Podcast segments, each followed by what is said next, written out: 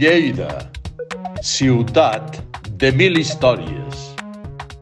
Els anys 60 van ser a Lleida un temps per a la confluència de reivindicacions diverses, una d'elles la que s'arrossegava difícilment i tímidament des dels anys 40.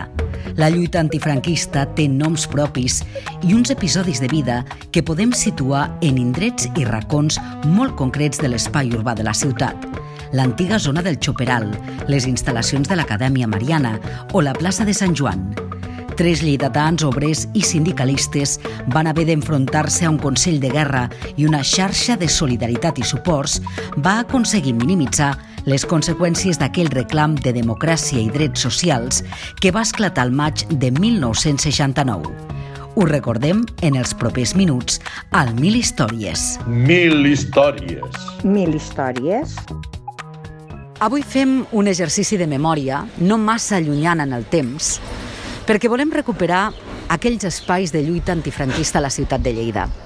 I ho farem en companyia de la historiadora i escriptora Antonieta Jarne, amb la que hem quedat i hem vingut fins a la plaça de Sant Joan. Antonieta, bon dia, gràcies per ser amb nosaltres. Quina era la intensitat de l'oposició de la gent lleidatana al règim? De quines formes i maneres s'expressava i es manifestava? I per què som a la plaça de Sant Joan? Doncs mira, tot depèn eh, bàsicament del temps i del context històric.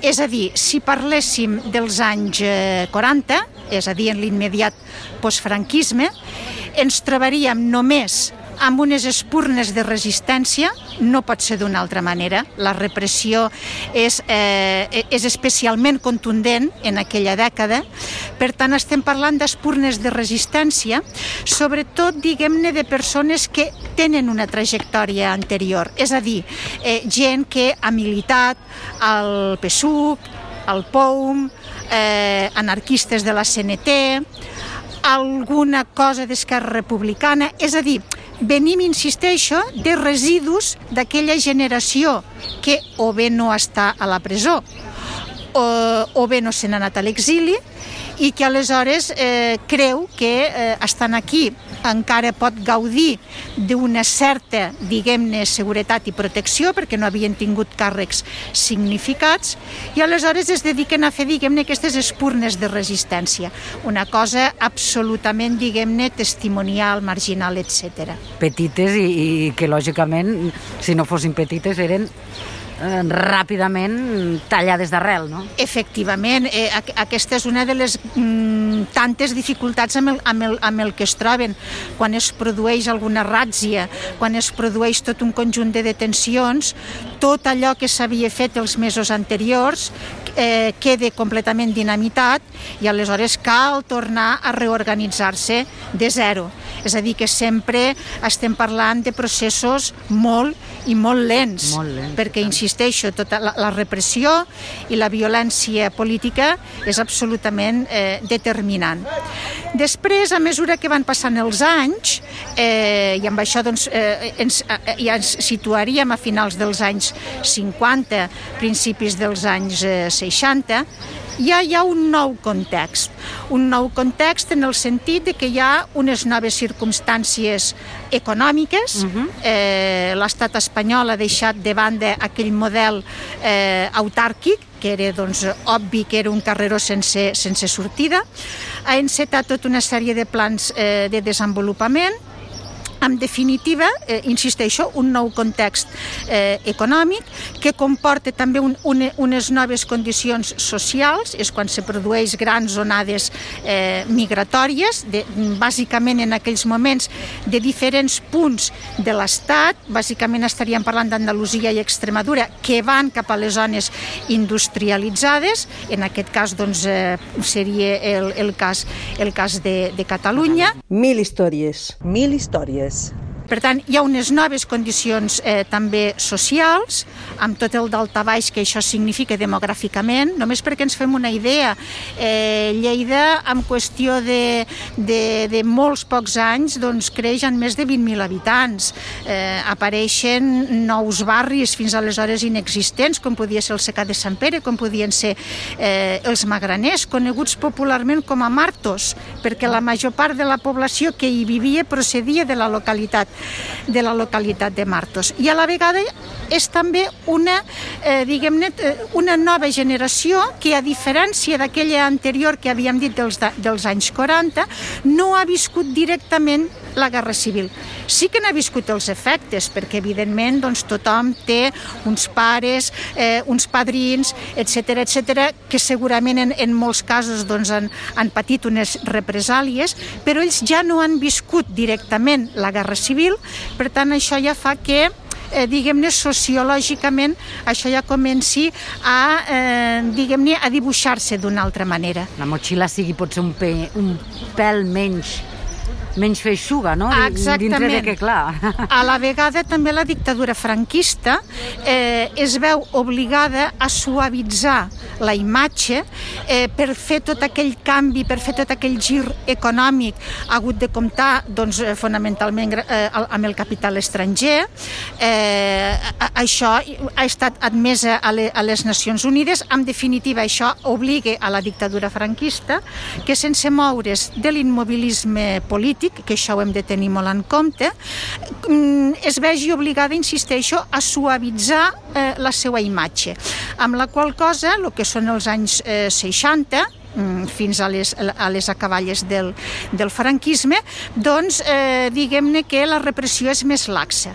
Compte, perquè no estic dient que desaparegui, no podem oblidar que abans de, de que mori Franco, doncs hi ha, per exemple, l'ajusticiament la, la, de Salvador Puig Antic, hi ha els afusellaments de militants d'ETA i del FRAP, és a dir, no estic dient en absolut que desaparegui, simplement dic que es torna més Una laxa comparada amb les dècades anteriors.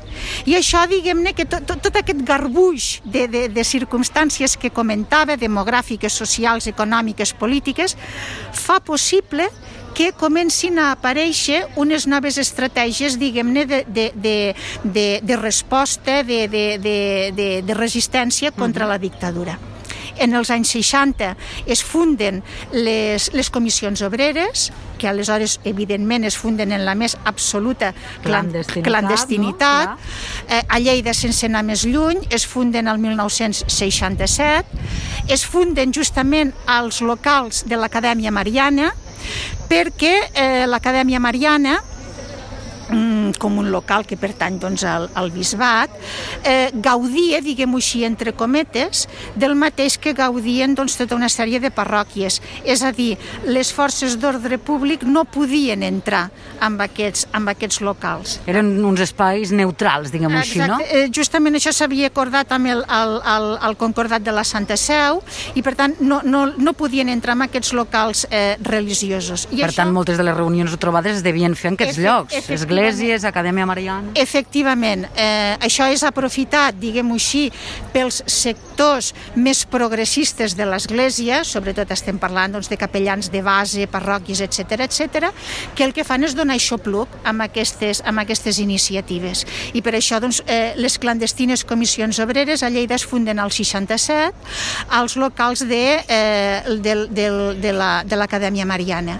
I, a la, I aleshores, diguem-ne que de manera bueno, lenta però constant, es van, es van forjant tota una sèrie d'iniciatives eh, que pretenen doncs, això, plantar cara en la mesura del possible a la dictadura franquista. Bona part d'aquests eh, primers militants de comissions obreres, d'aquests primers sindicalistes, són també, també es fan militants del PSUC, del Partit del, del, dels, comunistes, dels comunistes catalans, i tot plegat, doncs, insisteixo, això fa que en el transcurs de la dècada dels anys 60 cada vegada hi hagi més eh, iniciatives, hi hagi més accions, etc. Mil històries. Mil històries.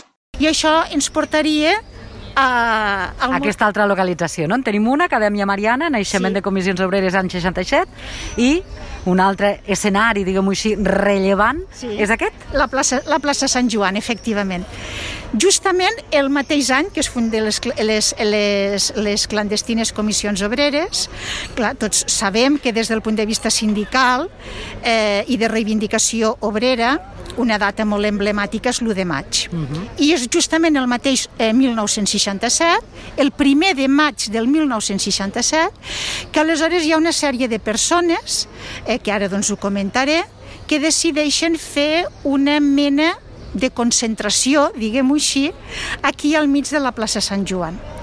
Eh, L'únic que fan, i en aquelles circumstàncies és molt, és entrar a la plaça, cantar l'emigrant, mm, que evidentment no té ni molt menys les connotacions que podrien tindre, per exemple, els segadors, l'únic que fan és entrar al mig de la plaça, canten l'emigrant, de seguida ve eh, la policia, els, di els dispersa eh, violentament i la cosa acaba amb unes quantes, amb unes quantes detencions. Però no deixa de ser un acte ja, diguem-ne, a l'exterior, perquè fins aleshores tot allò que comentàvem dels anys 40, aquella resistència tan, tan, tan tancada, tan, tan marginal, no podia fer-se en, en cap altre lloc que no fossin els domicilis particulars, Clar. perquè qualsevol altra cosa hauria estat senzillament una, una quimera, una quimera molt, molt esbojarrada. En canvi, ara ja hi ha un primer intent, diguem-ne, d'agafar un espai públic, que en aquest cas doncs, és la plaça de, de Sant Joan, i fer aquesta, aquesta acció. Era un grup petit, un grup... Era un grup aproximadament d'una dotzena de persones i això sí que ho, ho, ho voldria comentar perquè són bàsicament eh, gent eh, de les comissions obreres que simultàniament militen al, al PSUC i també eh, persones militants del Front Nacional de Catalunya, al capdavant de les quals hi ha el destacat militant Joan, Joan Cullerer. És a dir, de manera, diguem-ne així, molt, molt, eh, molt sintètica, podríem dir que les, eh, les accions més emblemàtiques i més, i més significatives de la lluita antifranquista a Lleida les duen a terme la gent del front, del Front Nacional, inequívocament independentista, amb Joan Cullerer al, al capdavant, i els sindicalistes de comissions obreres que a la vegada estan molt vinculats al, al PSUC. Antonita, i aquesta primera expressió, que seria la primera, no?, sí. en un lloc públic, com ara deies, mm, quin ressò genera? Genera noves complicitats? Tot això va creixent? Què passa a partir d'aquí? Dius, hi han detencions, no? Sí, sí. Què passa a partir d'aquí? Bé, i la, la premsa, fa, la, la Mañana, que era el diari oficial del moviment, no se'n fa ressò, perquè... No li convenia, no? Exactament, per allò que es diu, no? Allò que no s'esmenta no existeix Clar. i, per tant, no es diu res. El diari de, de, de l'Èrida, que estava vinculat al, al bisbat, sí que se'n fa ressò, Ell, ells sí que eh, trauen una, una notícia en aquest sentit, i aleshores sí, què significa això? Doncs significa que d'una manera lenta però constant, cada vegada s'hi afegeixi més gent eh, amb, amb aquesta lluita. A l'any següent, l'1 de maig del 68, perquè hem començat el 67, a l'1 de maig del 68 no, no hi ha cap, eh, cap intent per una raó molt senzilla, perquè els dies abans, previs a l'1 de maig, els principals dirigents eh, doncs de, de, del sindicalisme opositor han estat detinguts per la policia perquè els han enganxat duent octavetes, octavetes cridant a, la, a, a, a, bueno, a, a fer un, un 1 de maig reivindicatiu. Per tant, l'1 de maig del 68 no tenim, no tenim en aquest sentit res a ressenyar. No existeix perquè no va ser possible, no? pel que estàs explicant. No es va, Exactament. Clar, era impossible fer-se. I aleshores sí que a l'any següent arribem al, al diguem-ne, al moment més em emblemàtic, que és l'1 de maig del 69, també aquí a la plaça, a la plaça de Sant Joan. Mil històries. Mil històries. D'entrada hem de dir que les circumstàncies, quan arriba aquest 1 de maig del 69, són eh, encara una mica més especials, en el sentit de que eh, no només eh, s'està en, en, en un període dictatorial, sinó que a més a més Franco ha decretat un estat, un estat d'excepció. Som en un període d'estat d'excepció. Això, òbviament, fa que les circumstàncies encara siguin molt més, molt més delicades. Però amb tot i amb això, eh, ells es reuneixen, eh, diguem-ne, els, els, els capdavanters. Prèviament es reuneixen al Xoperal, -huh. bueno, ara en coneixem eh, com a Xoperal, abans eren simplement uns canyissars. Això és a la zona del riu, eh? La gent pot ser més jove, el Xoperal sí. a baix del riu. Exactament, estem parlant del Xoperal del riu. La canalització, diguem, la zona de la canalització. Efectivament, que llavors estava tot ple de canyissars. Per tant, era un lloc, diguem-ne, que garantia una certa protecció, privacitat, privacitat sí, exacte, seguretat, etc. Sí. Allí se hi havien reunit en, en algunes ocasions, eh, allò fent reunions de cèl·lula, de partit o de sindicat. Era, era un dels llocs que, que, que havien acostumat a reunir-se. Es reuneixen allí i, de, i decideixen que, malgrat les circumstàncies siguin adverses, és a dir, estem en un estat d'excepció, doncs eh, faran una manifestació. Faran una manifestació que la faran aquí a la plaça, a la plaça de Sant Joan. I efectivament eh, es troben aquí, igual com havíem dit dos anys abans, gent del front, gent de comissions obreres, gent, gent del PSUC, un grup més nombrós, segur, eh? Un, un, un grup més nombrós, de ben segurs, de ben segur que potser aleshores ja eren entre 20 i 30 persones, com no podia ser d'una altra manera, venen les forces d'ordre públic, hi ha, eh, en fi, doncs eh, allò, algunes, al, alguns moments de molta, de molta tensió, però en, aquests, en aquest cas ja no només hi ha uns moments de tensió, sinó que a més a més hi ha uns enfrontaments físics entre alguns dels manifestants i la policia, la qual cosa fa que eh, uns quants acabin a comissaria, però a més a més eh, dins d'aquestes persones detingudes n'hi ha tres que ja queden doncs, perquè se'ls hi farà un Consell de Guerra que són l'obrer de la construcció Antonio Chacón, que uh -huh. era, era un sindicalista dels fundadors de Comissions Obreres, la seva dona, que és la Catalina Maestre, també una destacada militant del, del PSUC, i l'obre metal·lúrgic, també vinculat amb, amb la mateixa trajectòria que els dos anteriors, Agustín Álvarez. Aquests tres són els, els tres que s'enfronten eh, físicament amb la, amb la policia i aleshores això els hi comporta que els hi practiquin un consell, un consell de guerra que de fet hem de dir que des dels anys 40, des de, des de l'immediat postfranquisme, no que no n'havia hagut cap més. Déu-n'hi-do, eh? Déu-n'hi-do, efectivament eh, bé, un Consell de Guerra a la caserna de, de Gardeny que els hi comporta uns mesos de presó uns mesos de presó, sobre, els, sobre el qual, a més a més, vull, vull, vull afegir algunes coses que em semblen destacades d'assenyalar. De, Tant l'Antonio Chacón com la Catalina Maestre llavors tenien uns nens molt petits.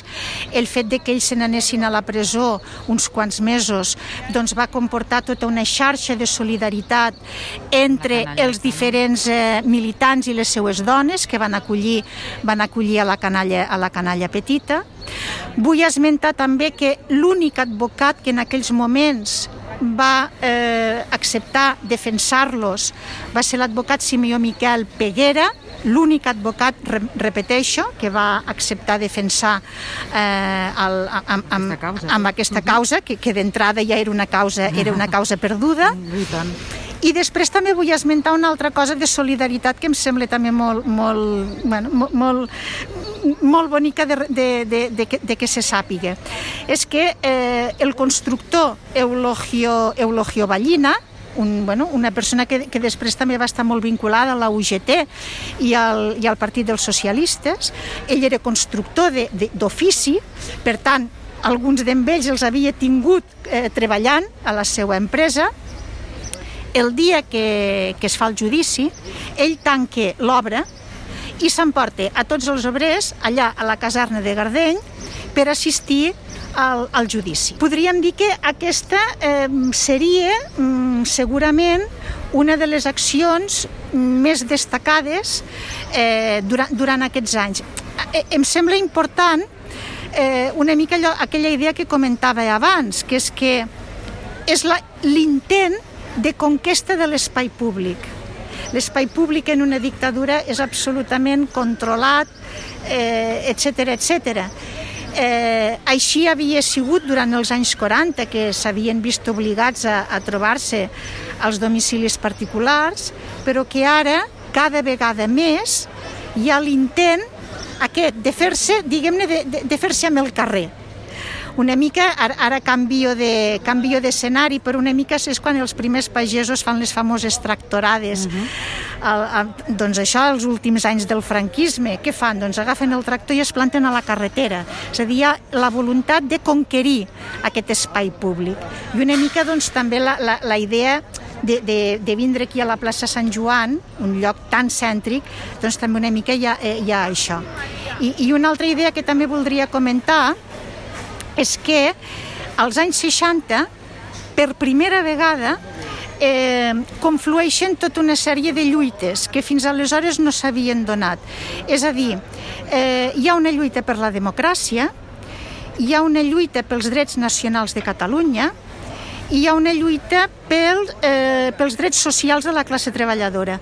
No dic que abans no hi fossin, però és que abans hi eren de manera separada.